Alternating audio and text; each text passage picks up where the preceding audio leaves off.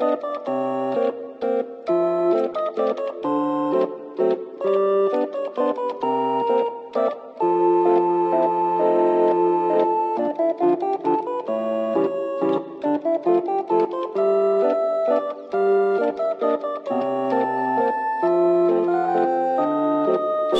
ברוכים הבאים וברוכות הבאות לפודקאסט שימוש סיפור, הפקת פודקאסט מחקרי.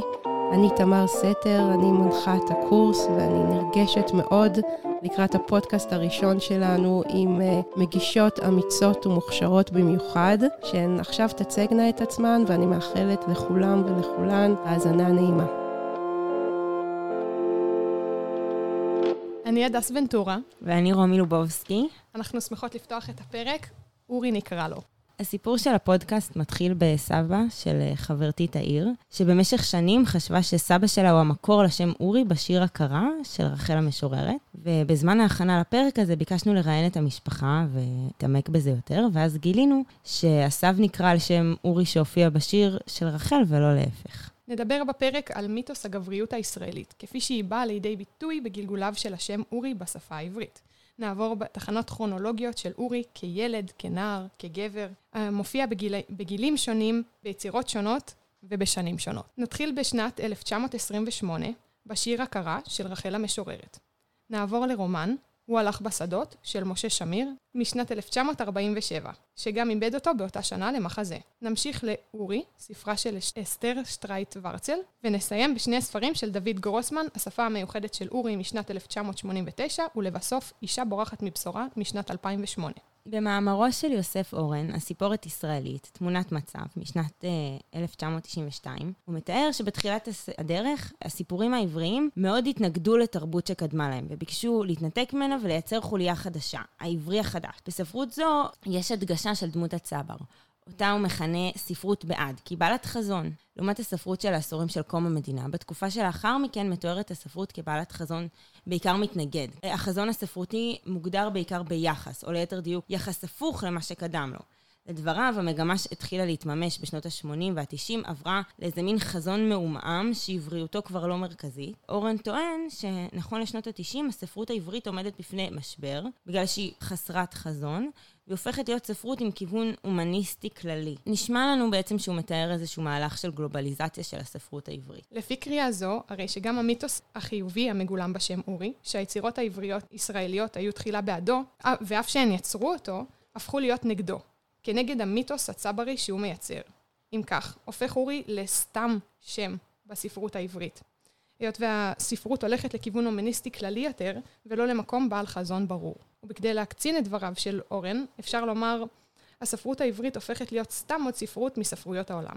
כך שגם הסימבולים הציוניים שבהם הולכים ונשחקים. לאחר שכל הקורפוס שלנו קרם עור וגידים, קראנו את הטקסט מגש הכסף, שכתב אה, יגאל שוורץ, שהוא חוקר במחלקה, בשנת 2020. והטקסט הפרשני הזה הוא הכי מודרני מכל הפרשנויות שעליהן התייחסנו, ודווקא הוא מעניין, היה מעניין לקרוא אותו ולהסתכל חזרה על כל הקורפוס שלנו, כי לדעתנו הוא מנבא איזושהי אופטימיות צעירה מהמה, מהמהלך אותו שרטטנו לפי אורן. אז שוורץ מבקש בפרשנות שלו אה, ובהקבלותיו לראות את המגמה הספרותית שדווקא מאפשרת דיאלוג מתוחכם. כל דור מאפשר לדור שבא אחריו לבנות עוד לבנה תרבותית. הסתכלות זו יותר אופטימית ממה שהצגנו קודם, שהמהלך שאורן משרטט הוא, הוא באמת מהלך שרק רואה את ההתנגדות הציונית ואת ההתנגדות לדורות הקודמים. אנחנו בוחרות להסתכל על המגמה הזו דרך האורים הרבים שעליהם נדבר, ולראות איך כל אחד שונה וגדול או אחר מקודמו. עם המגמה ששוורץ רואה נכונה, הרי אנחנו סקרניות לדעת מי יהיו האורים הבאים שיופיעו בספרות העברית, ומה יכול לגדול על, על כתפיו של המיתוס שנשבר ונבנה כבר פעמים רבות, ושעכשיו נציג. וואו, איזה יופי, וכל הכבוד לכן, אתן אמיצות מאוד.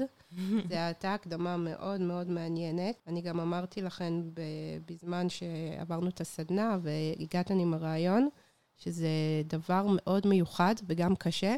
לכתוב על שם בגלגולים השונים שלו, תוך הספרות העברית וההתפתחות שלו, אז אני רוצה פה קבל עם ועדה לשבח אתכן, גם על האומץ שלכן וגם על הכישרון וגם על החריצות. ואני אקריא את השיר הכרה. שכתבה רחל המשוררת בשנת 1928, ואחר כך אני אשאל לגביו שאלה. בן, לו היה לי, ילד קטן, שחור טלטלים ונבון. לאחוז בידו ולפסוע לאט, בשבילי הגן. ילד, קטן. אורי אקרא לו, אורי שלי. רך וצלול הוא השם הקצר. רסיס נערה. לילדי השחרחר, אורי, אקרא. עוד אתמרמר, כרחל האם. עוד אתפלל, כחנה, בשילה. עוד אחכה, לא. מה חשבתן על אורי מהשיר הכרה של רחל? בשיר הכרה של רחל המשוררת אפשר להתמקד בשם אורי כשיאו של הרעיון הלא ממומש. אורי מבטא את שיאו של הכאב של אובדן הפוטנציאל. והיה קשה לא לקרוא את, את השיר בצורה ביוגרפית, כמבטא את כאבה של רחל על כך שבעצם לה לא היה ילד. השתמשנו בדברים של שני חוקרים, אה, של ראובן קריץ, במאמר משנת 1969, ושל עמי פיינגולד, בספר שהוא כתב אה, בשנת 1996. מה שעולה מהדברים של שניהם זה שרחל מדברת על ילד שאינו קיים כאילו הוא כבר נמצא. זה רק מדגיש את, את הכאב הזה. פיינגולד מצליח לדייק עוד נקודה שהיא מעניינת בשם אורי עצמו, כשם שהוא רלוונטי ומייצר בקור, בקוראים תחושת היכרות. זה לא איזה שם ארכאי כזה שלקוראים אין שום קשר אליו, זה שם שאיכשהו מצליח להישאר רלוונטי ולתת לה, לשיר איזשהו, איזושהי אינטימיות. בבית השני, רחל אפילו מנמקת את הבחירה שלה לשם הזה. רך וצלול הוא השם הקצר. זה שם קטן, קצר, אינטימי, בין שתי עברות, מה שרק מעמיק את ההיכרות של הקוראים עם אותו אורי. מקסים. אז אנחנו נעבור ליצירה הבאה שבחרתן, הוא הלך בשדות, רומן שכתב משה שמיר בשנת 1947. אז אני מתחילה מהרומן. אורי כהנא, בחור כזוג פרדות, יצור נאה, תואם זרעות, הייתם אומרים. בלורית, מצנפת נוודים, ילקוט צד, הייתם אומרים. לא, גולגולת ריקה, אני אומר, משמע לטובה. כאלה שעדיין פתוחים, פתוחים לכל הרוחות ועדיין מחכים, ועדיין בוטחים בעצמם. רצף מחשבותיו של אורי, ששומע ה... על ההתעברות של מיקה, חברתו, מתואר. בצורה הבאה. אני מצטטת. חייב הוא לקחת חלק בייסוריה. אי אפשר שהיא לבדה תתענה. חייב הוא לסבול. חייב באיזו צורה שהיא, להיות אומלל כמותה.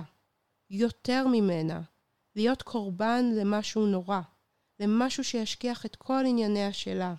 שיאמרו, מי יאמר? שיאמרו, טוב, מיקה מסכנה, אבל אורי? הביטו, אורי נפל, הלוויה תהיה עצובה ונפלאה. עכשיו, על אותו קטע, ש... כשהוא מומחז במחזה, ועוד מעט נסגור את התקצירים של שניהם, אז, אז נבין, נבין כאילו למה זה כל כך מהותי, אבל בדיוק על אותו קטע שאורי ככה יוצא לקרב, אפשר, נשמח אם תקריא עכשיו את, ה, את המחזה. אוקיי. Okay. אורי, אני לא אוהב כשמתחילים להיות אצלנו צדיקים שעה אחת בחודש. או שאתה פלמחניק, או שאתה בעל לאישה. אחת מן השתיים. וג'ינג'י אומר, אני רואה שגם לך יש בעיות פרטיות, אורי. אורי, יש, ודאי שיש. אולי לא פחות מסמיון. אז מה? אני דורש יחס מיוחד? ועכשיו אני אקריא את החלק שבו, מהמחזה שבו מתואר המוות של אורי. ובכן, קדימה, הוראות הבמה יוצא, זרקור, דממה, זרקור, מטח יריות פתאומי, דממה. מיד לאחר מכן המחזה ממשיך לצנה בה מתגלה להוריו של אורי על היותו בבית חולים. מה אתן חושבות ההבדל בין אורי מ"הוא הלך בשדות" הספר לבין אורי שמופיע במחזה שראה אור שנה לאחר מכן והוצג? אמנם המחזה מתאר עלילה דומה לרומן, אך דמותו של אורי בה היא שטוחה וברורה יותר. היא מתארת את הצבר היפה, שפחות טרוד במחשבות. פעולה שבה אורי נהרג היא ככל הנראה ליל הגשרים, והמוות שלו נחשב מאוד הירואי. אורי של המחזה הוא מאוד ישיר, הוא מאוד מגויס לארצו, ואפילו קצת מזלזל בקשרים הבין-אישיים. הוא התגלמות המאצ'ו הפלמחי, וזה בא לידי ביטוי בסצנה שבה הוא נמצא בפעולה הצבאית והולך למותו. זה מציב ניגוד מאוד גדול לאורי של הספר, שגם של הרומן, סליחה, שגם מטבע הדברים אנחנו יותר עוקבים אחרי המחשבות הפנימיות שלו, ואורי הרבה יותר חושש והרבה יותר אמביוולנטי ביחס לכל העלילה ש, שקורית שם, וגם בעצם בתיאור המוות שלו. זה תיאור של תאונת אימונים שקצת הוא יוצר. לגמרי, סוג של התאבדות. נראה שבקריאה של שוורץ לספר ולמחזה דווקא מסורטטת מגמה יותר סלחנית. שלא היה מנוס מלהרוג את אורי הגיבור המיוסר, כדי שיוכל לגדול דור חדש שיממש את הציונות בצורה אחרת. הסתכלות זו שונה מהסתכלות של יוסף אורן על היצירה כיצירה שרק משרטטת חזון שהוא בעד הציונות. שוורץ מבקש לראות את היצירה כחלק מדיאלוג בין הדורות שמתקיימים בתרבות העברית.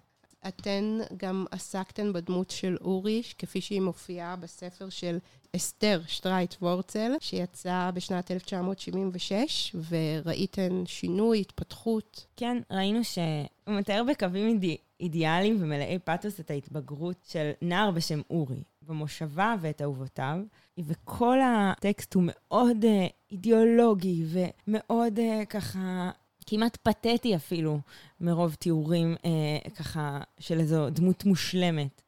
וממש אה, בספר ש... שהיא כתבה על אודותיה, היא ממש מתארת איך לאורי יש כמה אהובות, סליחה, במהלך הספר, והן כולן מבוססות עליה. זה ממש איזה ספר כזה נוסטלגי פנטסטי, שהוא כאילו מדמיין איזו ציונות של פעם, בקווים, כמו שתמיד כשאנחנו מתארים משהו של פעם, ואנחנו רוצים לראות אותו כמושלם. אז... לגמרי, יש שם גם ממש היבט נרקסיסטי. כלומר, כל האהובות על בסיסה זה די מצחיק.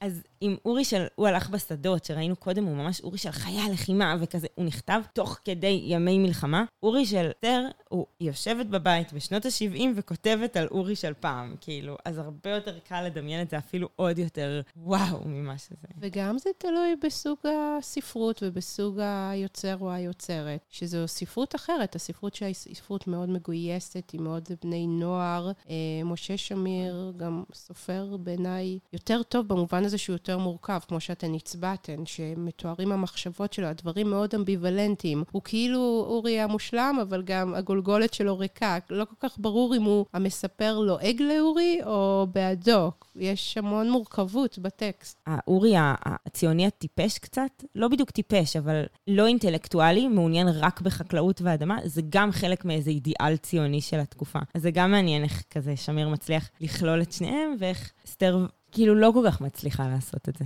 נכון. וגם זה חלק מבכללים, מה שמגמה מעניינת בקורפוס שלנו, שסוקר כל מיני סוגים של ספרויות. גם מחזה, גם שיר, גם רומן, גם ספרות נוער, גם ספרות ילדים, נכון. גם ספרות מבוגרים. וגם יוצרים שונים בתקופות שונות, עם איכויות כתיבה שונות. אז עכשיו אנחנו נעבור לספר ילדים, השפה המיוחדת של אורי, משנת 1989. כתב את הספר דוד גרוסמן. יש לו ילדים בשם אורי ויונתן, שגם מופיעים בספר עצמו. אז אני אקריא מתוך הספר את מה שבחרתם. אורי הוא ילד בן שנתיים כמעט, ועכשיו הוא מתחיל לדבר.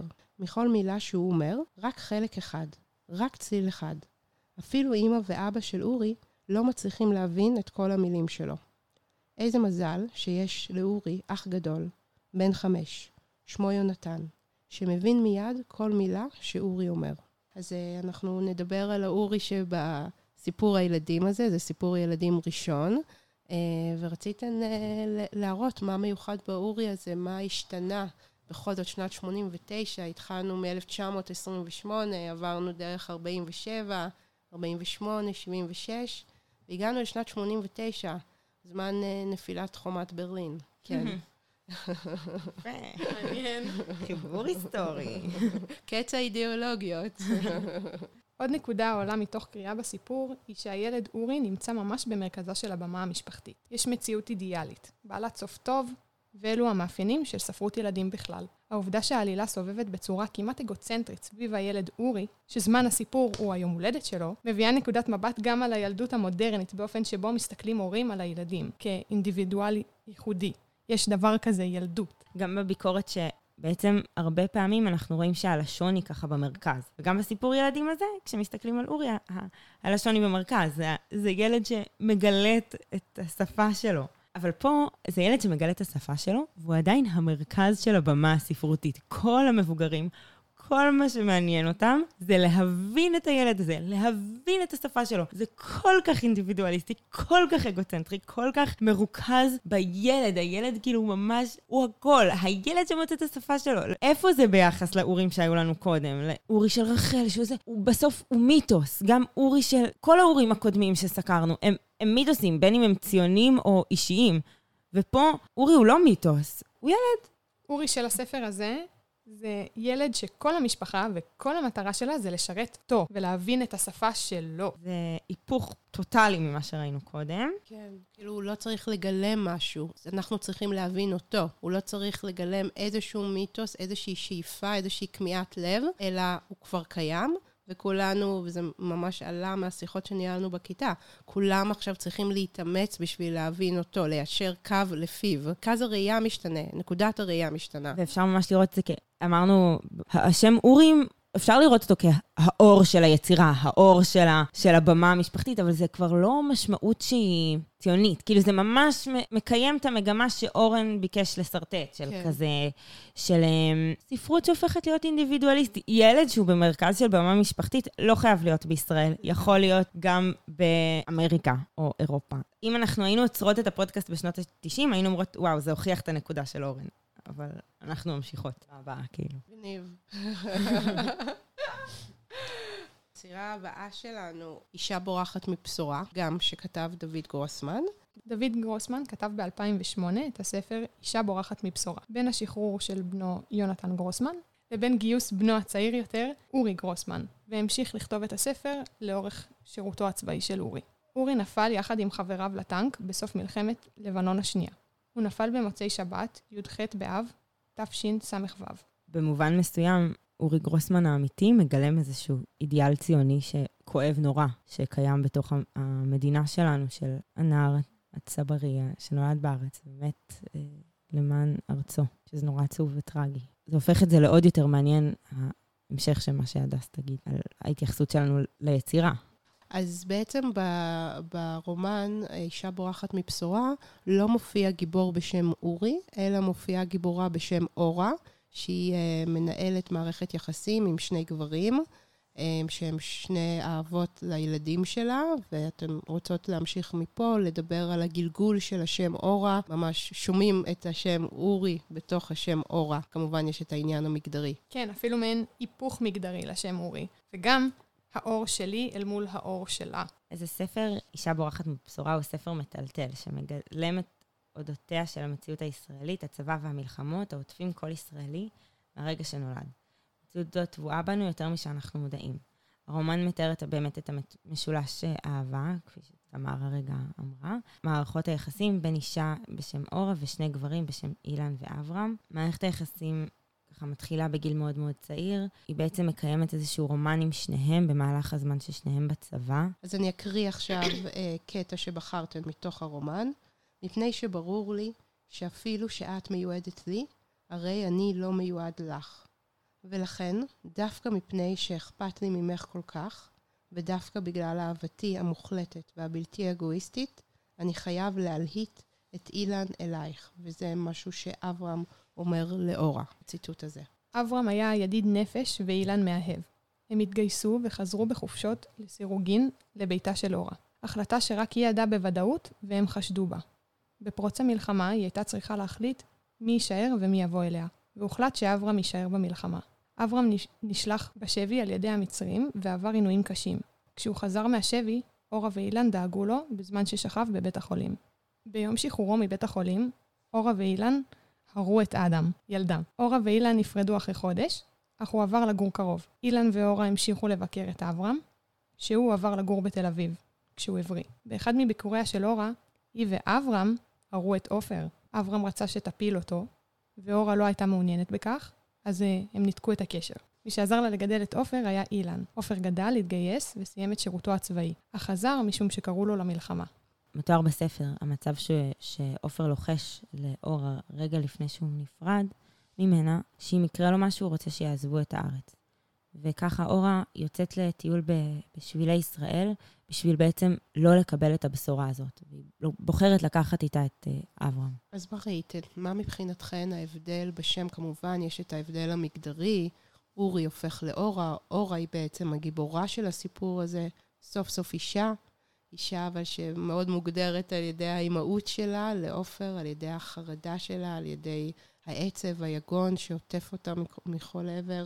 תוכלו לספר קצת על זה? יש שינוי קיצוני בין אורי שפגשנו עד עכשיו, שכולו מגויס לחלום הציוני, לבין אורה שהיא אימא, שבורחת מהכאב שמורגש מעצם הקיום של מדינת ישראל, מעצם הציונות. כאב שהוא ללא הצדקה הירואית של הקרבה ציונית. האורי שלו הלך בשדות הוא דמות פלקטית חסרת רגשות, אשר אינה מסוגלת לבטא את כאבה או להכיר בו בכלל. ואם עברנו בתוך כל המיתוסים האלה לאורך כל השנים, הגענו, עצרנו בתחנה הזאת בשנות ה-90, שהשם אורי כבר אין, אין איזו הירואיות. אז עכשיו, כששוב פעם נדרשים להגיע למלחמה, אז האורי שהופך לאורה מצליח לבטא איזה כאב, כי מה קורה כשאתה, כשאתה נדרש להקרבה ציונית, אבל אין לך את האידיאולוגיה ציונית, ומה קורה לאור שלך?